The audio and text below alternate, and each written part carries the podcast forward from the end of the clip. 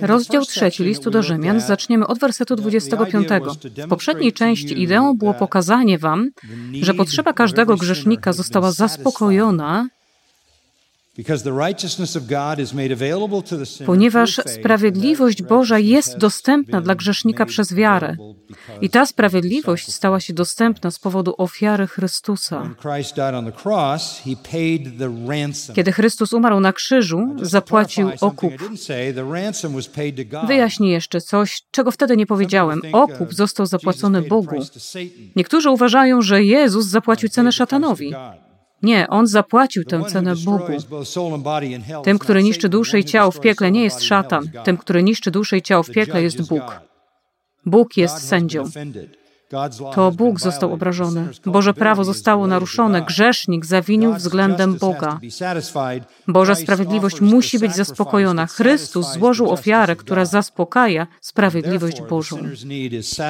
I dlatego potrzeba grzesznika jest zaspokojona w ofierze Chrystusa, która staje się ceną odkupienia lub ceną wykupu zapłaconą Bogu, aby Jego sprawiedliwość została zaspokojona i aby sprawiedliwość Boża mogła zstąpić z nieba na grzesznika.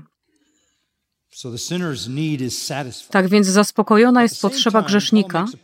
Jednocześnie od połowy 25 wersetu aż do końca tego rozdziału Paweł pokazuje, że Bóg też jest zaspokojony. Potrzeba grzesznika jest zaspokojona przez śmierć Chrystusa za grzeszników. Wiemy o tym, tak mówi Biblia. Nowy Testament mówi, że Chrystus umarł za grzeszników, ale ludzie mogą nie myśleć, że Chrystus umarł również dla Boga dla Boga. To jest tak potężny temat, że praktycznie nie da się go wyczerpać. Chrystus umarł dla Boga. W pierwszym rozdziale listu do Rzymian, w piątym wersecie czytamy, jak Paweł przekazuje słowa osobistego świadectwa wraz z innymi apostołami i ewangelistami. Otrzymaliśmy łaskę i apostolstwo, aby wezwać do posłuszeństwa wiary ludzi ze wszystkich narodów. I teraz kluczowa kwestia, ze względu na Jego imię. Ostatecznie zbawienie jest dla chwały, czci i wywyższenia Boga.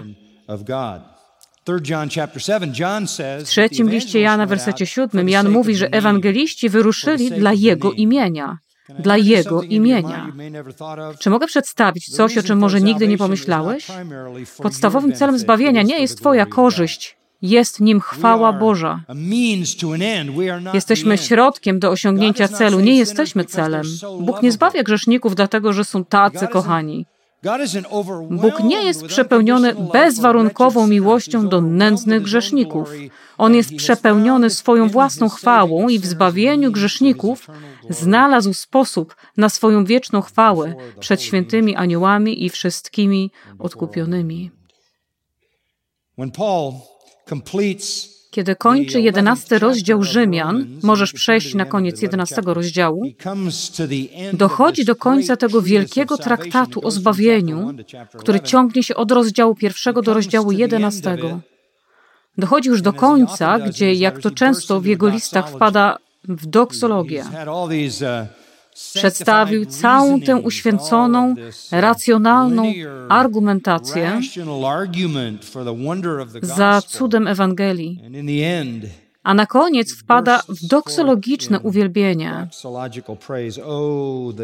O głębokości bogactwa i mądrości i poznania Boga. Nie może nie oddać chwały Bogu za Bożą mądrość i wiedzę, ukazane w zbawieniu. Jakże niezbadane są wyroki Jego i niewyśledzone drogi Jego, bo któż poznał myśl Pana, albo któż był doradcą Jego? Wiedzieliście, że Bóg nie ma żadnych doradców? Bóg nie ma doradców. Albo któż wpierw dał mu coś, aby za to otrzymać odpłatę? On nie jest niczyim dłużnikiem. Nikomu nie jest nic winny. Od nikogo nie otrzymuje informacji. Albowiem z Niego i przez Niego i ku Niemu jest wszystko. Jemu niech będzie chwała na wieki. Amen. Cały plan zbawienia prowadzi do wzrostu Bożej chwały. Kiedy na odwiecznej Radzie przed stworzeniem świata Pan zwołał trinitarne spotkanie, Ojciec ogłosił swoją miłość do Syna. I powiedział do Syna, chcę Ci dać odkupioną ludzkość. Chcę Ci dać odkupioną ludzkość, ponieważ kocham Cię hojną miłością, a boska miłość daje niebiańsko, bezgranicznie i nieskończenie. I w wyrazie miłości do Syna Ojciec postanowił, że stworzy świat że pozwoli temu światu upaść w grzech, że odzyska z tego świata odkupioną ludzkość, że da tę odkupioną ludzkość jako oblubienicę swojemu synowi, tak, żeby ta odkupiona ludzkość na wieki wieków chwaliła jego syna. A w pierwszym liście do Koryntian Paweł mówi nam, że kiedy to się dopełni, kiedy nadejdzie pełnia odkupionej ludzkości, Bóg Ojciec da ją synowi jako jego oblubienicę. I według 15 rozdziału pierwszego listu do Koryntian syn weźmie wtedy odkupioną ludzkość i odda siebie razem z odkupioną ludzkością Ojcu we wzajemnym akcie miłości. W pewnym sensie jesteś ubocznym elementem wielkiego aktu miłości, który ma miejsce w Trójcy Świętej. Wszystko jest na chwałę Bożą. Absolutnie wszystko ostatecznie przyczynia się do Bożej chwały. Wszystko układa się w końcowy akord chwały dla Boga, Także koniec jedenastego rozdziału jest szczytem całego listu. Na początku rozdziału 12 jest znów słowo dlatego. Przy okazji struktura listu do Rzymian zbudowana jest na powtórzeniach słowa dlatego. Ale od 12 rozdziału mowa jest o postępowaniu, które wynika z tak chwalebnego zbawienia. Więc ogólnie należy powiedzieć, że celem zbawienia jest Boża chwała. W modlitwie arcykapłańskiej w 17 rozdziale Ewangelii Jana Jezus powiedział: Ja Cię uwielbiłem na ziemi, dokonałem dzieła, które mi zleciłeś, abym je wykonał.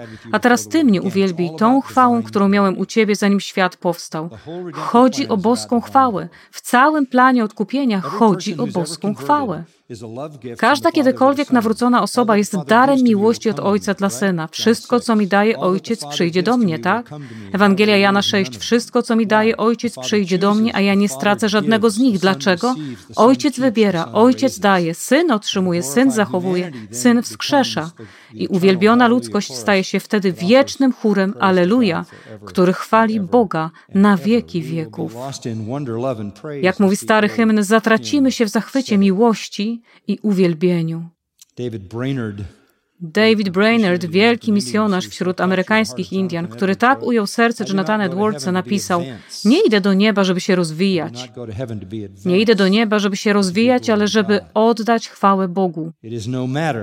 Nie ma znaczenia, gdzie będę przebywał w niebie. Nieważne, czy będę tam mieć wysoką czy niską pozycję, tylko żebym żył, podobał się i chwalił Boga. Moim niebem jest podobać się Bogu, chwalić Go i całkowicie oddać się Jego chwale na wieki.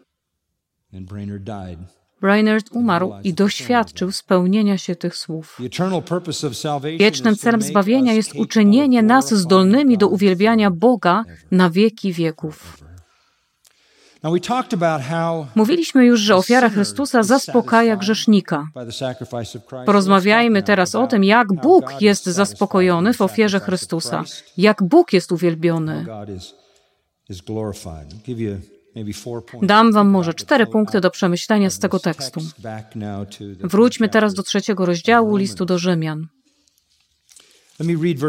Pozwólcie, że przeczytam wersety od 25b aż do końca, żebyście mogli to sobie przypomnieć.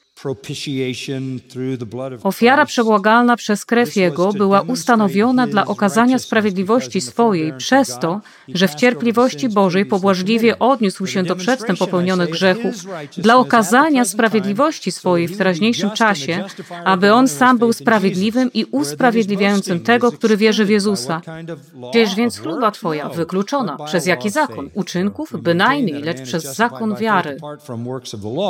Uważamy bowiem, że człowiek człowiek bywa usprawiedliwiony przez wiarę, niezależnie od uczynków zakonu. Czy Bóg jest Bogiem tylko Żydów, czy nie pogan także? Tak, jest i pogan. Tak, jest i pogan, albowiem jeden jest Bóg, który usprawiedliwi obrzezanych na podstawie wiary, a nie obrzezanych przez wiarę. Czy więc zakon unieważniamy przez wiarę? Wręcz przeciwnie, zakon utwierdzamy. Jak zatem śmierć Chrystusa oddaje chwałę Bogu?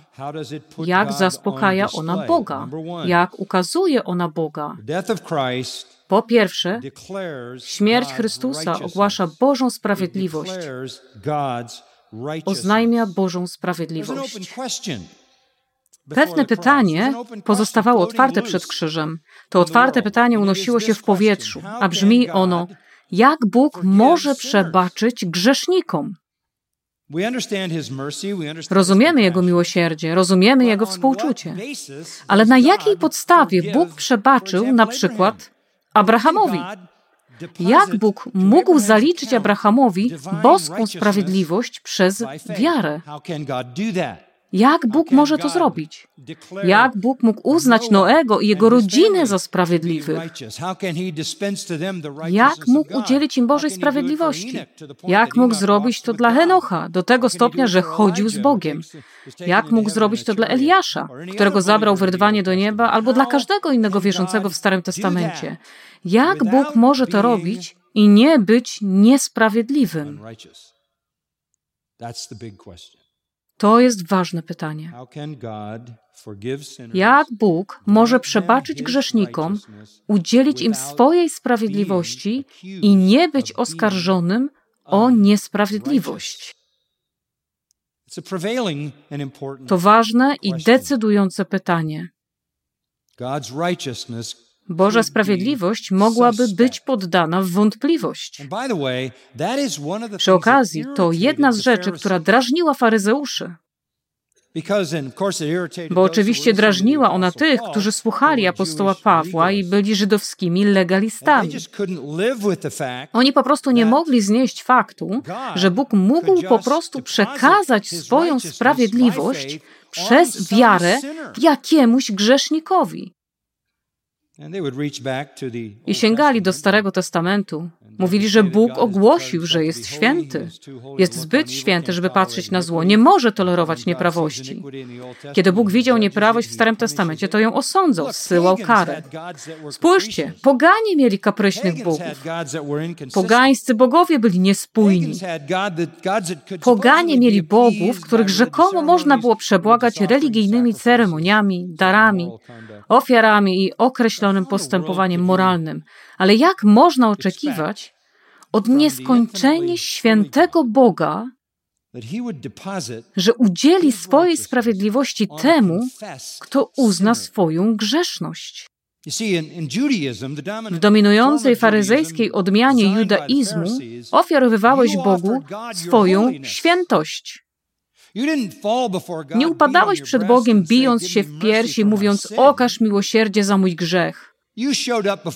Pojawiałeś się przed Bogiem jak faryzeusz w Ewangelii Łukasza 18 i mówiłeś: Dziękuję Ci, że nie jestem taki jak ten facet.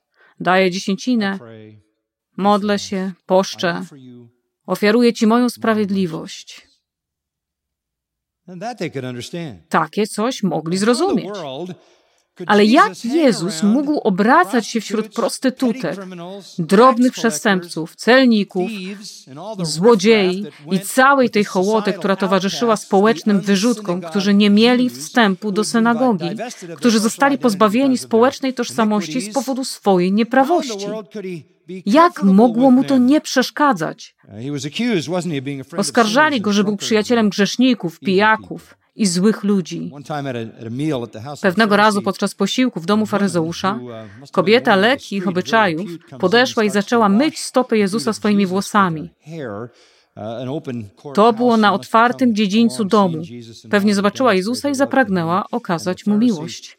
A faryzeusz, który urządził tę ucztę, był tak oburzony, bo uważał, że gdyby Jezus był Bogiem, to wiedziałby, co to była za kobieta i nie pozwoliłby jej siebie dotykać. To całkowicie wykraczało poza ramy tego, jak postrzegali sprawiedliwość przed Bogiem. Dlatego, kiedy przyszła Ewangelia i Jezus powiedział: Oferuję Ci przebaczenie, przebaczył grzech. Pamiętacie człowieka spuszczonego przez dach? Odpuszczone są Ci Twoje grzechy. Oni byli tym po prostu zdumieni, bo według ich teologii przyczyną problemu, jaki miał ten człowiek, była jego grzeszność. Widzimy to w historii ślepego w Jana 9. Jak on mógł tak po prostu to zrobić? To uderza w czystą sprawiedliwość Boga.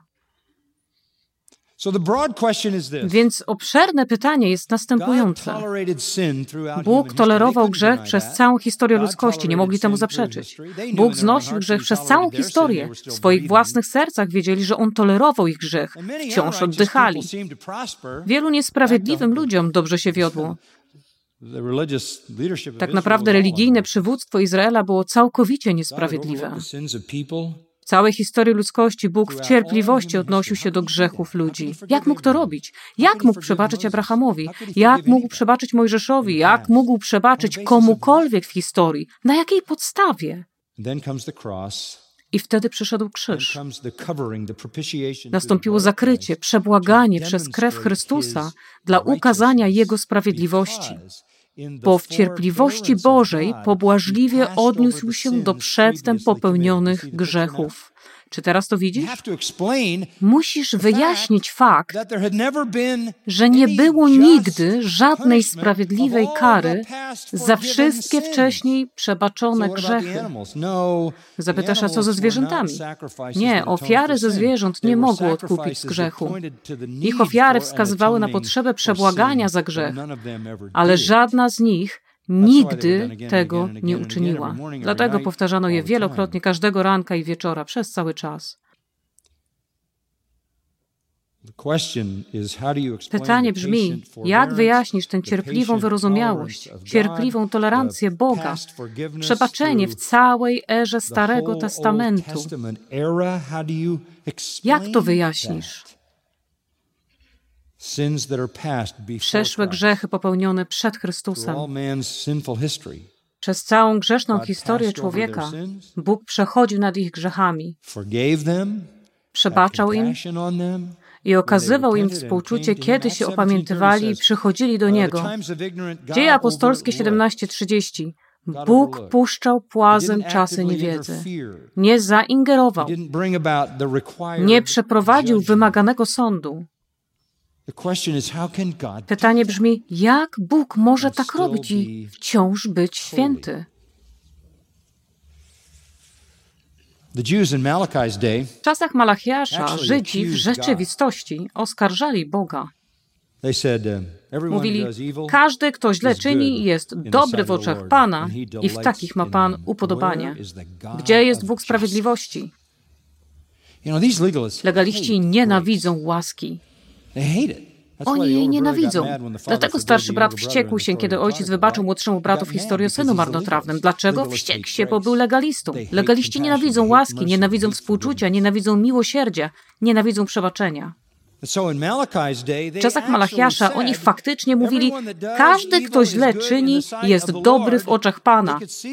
Mogli widzieć, że Bóg udzielał przebaczenia, że miał w tym upodobanie i pytali, gdzie jest Bóg sprawiedliwości? Więc za każdym razem, kiedy głosisz łaskę wśród legalistów, będą ją odrzucać. Tak było, kiedy głosił ją Jezus i tak było, kiedy głosił ją Paweł.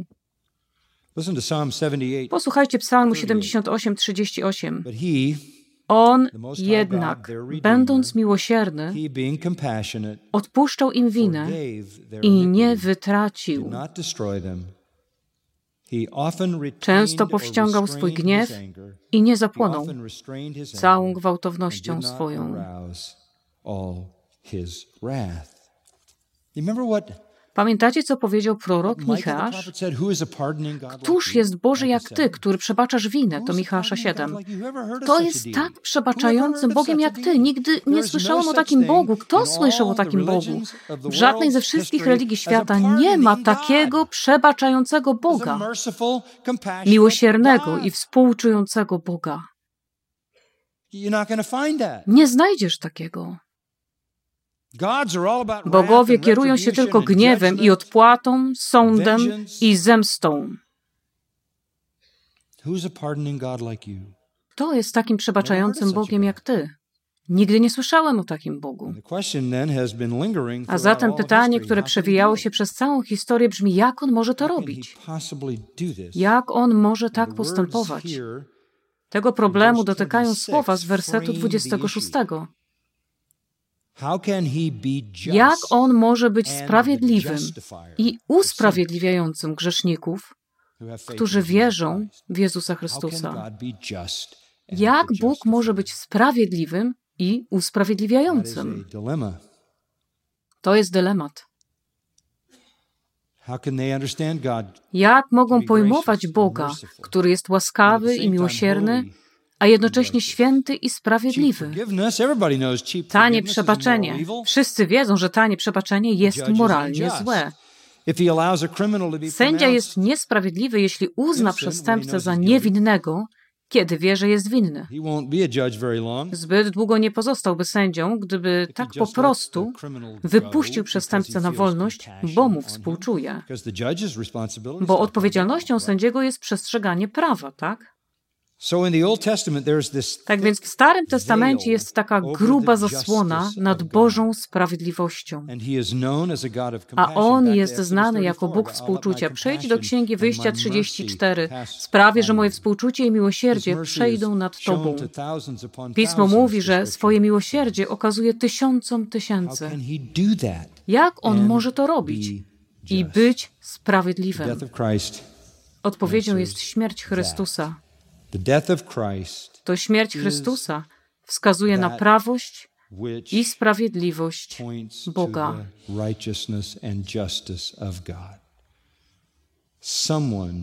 Ktoś musi umrzeć.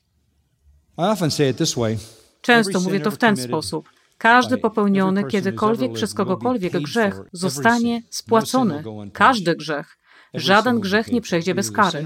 Za każdy grzech nadejdzie zapłata. Albo sam grzesznik będzie za nie płacić, będąc sądzonym na wieki i nigdy nie będzie w stanie ich całkowicie spłacić, albo zostały w całości spłacone ofiarą Jezusa Chrystusa.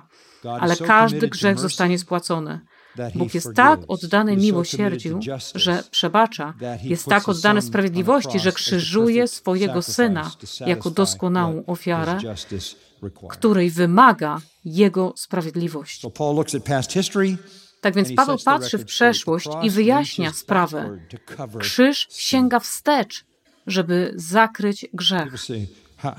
Ludzie pytają, jak byli zbawieni ludzie w Starym Testamencie?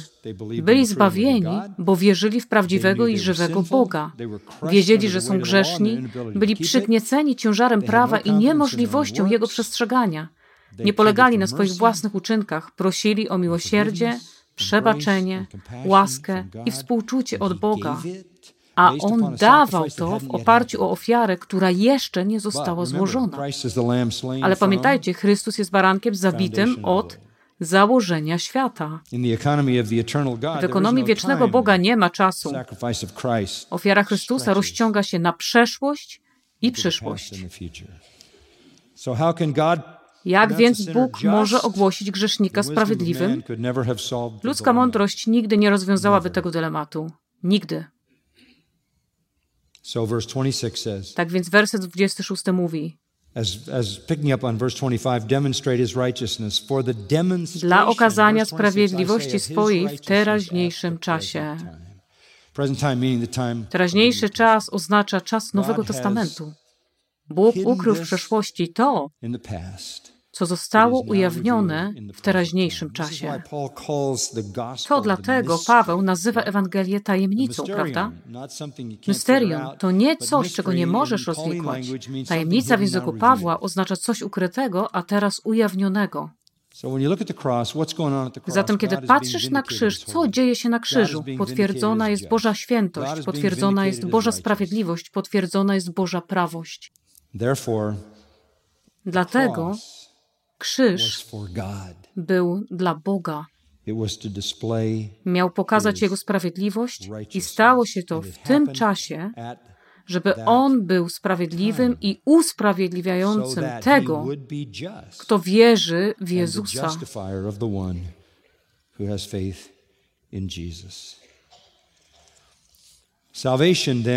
Zatem dokonane przez Chrystusa na krzyżu zbawienie wynikające z niego zabezpieczenie, środki zbawienia, przebłaganie, ofiara, zakrycie są dla Boga. Żeby Bóg nigdy nie mógł być oskarżony o niesprawiedliwość. Jak Bóg mógłby być oskarżony o niesprawiedliwość, skoro posunął się aż do wykonania wyroku śmierci na swoim ukochanym synu? I każdy, kto rozumiał starotestamentowy system ofiarny, jak w pierwszym rozdziale Księgi Kapłańskiej, mógł to przewidzieć, bo były tam dosłownie miliony ofiar ze zwierząt, w których śmierć niewinnego zastępcy wskazywała na potrzebę ostatecznej ofiary bezgrzesznego zastępcy. Krzyż demonstruje więc Bożą prawość, ukazuje Bożą sprawiedliwość, pokazując, że On nie mógł przejść obok grzechu, nie mógł pominąć sprawiedliwego sądu nad grzechem. Krzyż oddaje też chwałę Bogu w drugi sposób. Powiemy o tym więcej na jutrzejszej porannej sesji. Po drugie, krzyż oddaje Bogu chwałę nie tylko przez ogłaszanie Jego sprawiedliwości, ale też przez ukazywanie Jego łaski. Wersety 27 i 28. Gdzież więc chluba Twoja? Wykluczona. Przez jaki zakon? No. Uczynków? Bynajmniej lecz przez zakon wiary. Uważamy bowiem, że człowiek bywa usprawiedliwiony przez wiarę, niezależnie od uczynków zakonu. Nie ma miejsca na przychwalanie się, przypisywanie sobie zasług i samozadowolenie. Tylko Bóg mógł zapewnić coś takiego. To kluczowe i fundamentalne dla zrozumienia Ewangelii, że ten, kogo obrażono, zaplanował warunki, które usuwają tę obrazę. A to Bóg został obrażony. To Bóg ustanowił środki, dzięki którym można usunąć tę obrazę. To Bóg przeklął świat. To Bóg ogłosił, że jesteśmy grzesznikami. To Boże prawo zostało złamane i Jego imię zostało znieważone. To Bóg określa środki, przez które można to odwrócić, wymazać i usunąć. On obmyślił plan, który można wdrożyć przez wiarę. Wiara jest środkiem, przez który jesteśmy usprawiedliwieni niezależnie od uczynków prawa. Jest to akt czystej łaski. Mówiliśmy już o tym w pierwszej połowie tego wersetu, ale czy rozumiesz, że musimy patrzeć na to z punktu widzenia Boga?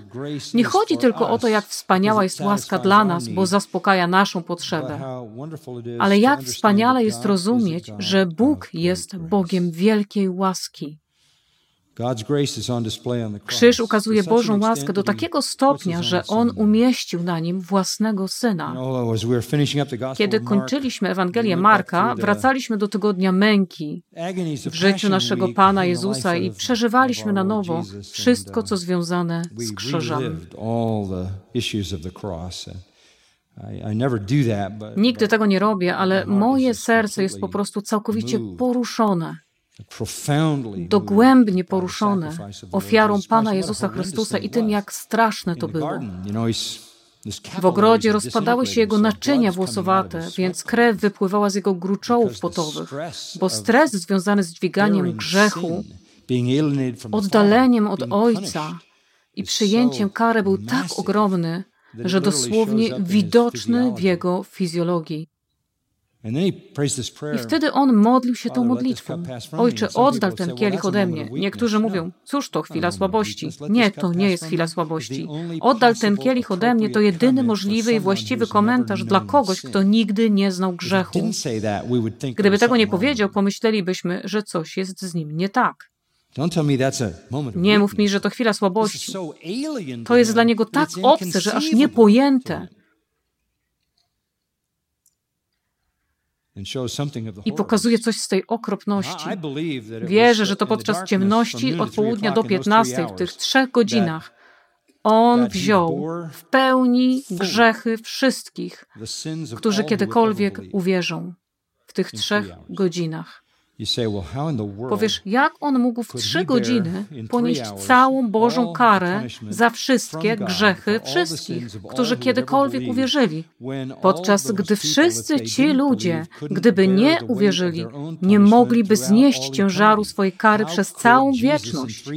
Jak Jezus mógł w ciągu trzech godzin ponieść pełną karę milionów dusz, które nie mogłyby ponieść jej na zawsze w piekle? Odpowiedź? On ma nieskończoną zdolność do znoszenia sądu Bożego, ponieważ sam jest nieskończoną osobą. Zdumiewająca jest zawarta w tym łaska. Zdumiewająca.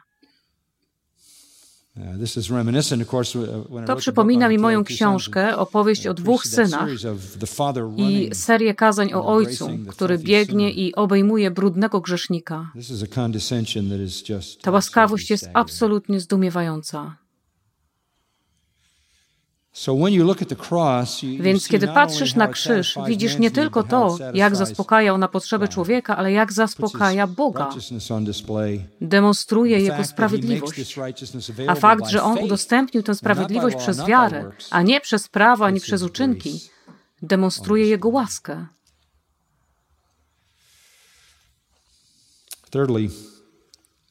Po trzecie, Krzyż ukazuje, że Bóg jest spójny. Jego spójność. W pewnym sensie już tego dotknęliśmy i Paweł powraca do tego na chwilę, żeby zebrać te wielkie prawdy. Krzyż wskazuje na Bożą sprawiedliwość, wskazuje na Bożą łaskę i wskazuje na Jego spójność. Werset 28 mówi: Uważamy bowiem, że człowiek bywa usprawiedliwiony przez wiarę niezależnie od uczynków zakonu. I dalej werset 29. Czy Bóg jest Bogiem tylko Żydów, czy nie pogan także? Tak jest i pogan, albowiem jeden jest Bóg, który usprawiedliwi obrzezanych na podstawie wiary, a nie obrzezanych przez wiarę. Czy istnieją dwie drogi zbawienia? Czy Żydzi i poganie mają inną drogę? Czy Żydzi byli usprawiedliwieni przez prawo, a poganie usprawiedliwieni przez wiarę? Wiele osób coś takiego sugeruje. Mogłeś być tak uczony, jeśli wyrastałeś w tradycyjnym dyspensacjonalizmie. Ale werset 29 pokazuje, że Bóg jest Bogiem wszystkich ludzi, i Żydów, i pogan. Księga Izajasza 54:5 mówi: Zwany Bogiem całej ziemi. Księga Jeremiasza 16:19 Do ciebie przyjdą narody od krańców ziemi. I mur podziału został zburzony. W Chrystusie nie ma ani Żyda, ani poganina. Wiemy to wszystko. Bóg jest Bogiem wszystkich. On jest jedynym Bogiem. Nie wstydzę się Ewangelii Chrystusowej, jest ona bowiem mocą Bożą ku zbawieniu. Najpierw Żyda, potem Greka. Więc werset 30 mówi, albowiem jeden jest Bóg, który usprawiedliwi obrzezanych na podstawie wiary, a nie obrzezanych przez wiarę. Beneficjenci są różni, a Bóg jest jeden. Jeden Bóg oznacza, że jest Bogiem wszystkich. Nie ma innego Boga. To jest monoteizm. Księga Powtórzonego Prawa 6.4. Pan jest Bogiem naszym, Pan jedynie. Wszystkich ludzi zbawi z łaski przez wiarę. On usprawiedliwi wszystkich, którzy wierzą, Żydów i Pogan. W całej historii człowieka zbawia wszystkich w ten sam sposób. Nie wiem, co myślisz o tak zwanych dyspensacjach, ale jeśli kiedyś w nich utknąłeś, to musisz zrozumieć, że we wszystkich okresach ludzkiej historii ten sam Bóg, jeden Bóg, zbawił ludzi w jeden sposób. Z łaski przez wiarę. Zawsze przez wiarę. Zawsze niezależnie od uczynków. Zawsze jako akt łaski, zawsze przez złożenie na ich konto Jego własnej sprawiedliwości, choć nie są godni takiego daru łaski. Jeszcze przed pojawieniem się Izraela czytamy: Noe znalazł łaskę w oczach Pana.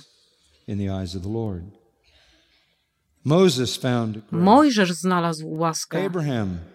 Abraham przyjął łaskawe zbawienie przez wiarę. Więc to zawsze był Boży sposób i Bóg nie może być oskarżony o odstępstwo. Ja, Pan, nie zmieniam się. To jest niezmienność Boga, którą widać we wszystkich Jego działaniach. Ostatnia kwestia. Krzyż zaspokaja Boga. Chrystus umarł dla Boga w tym sensie, że krzyż ogłasza Bożą sprawiedliwość, Bożą łaskę, Bożą spójność i potwierdza Boże prawo.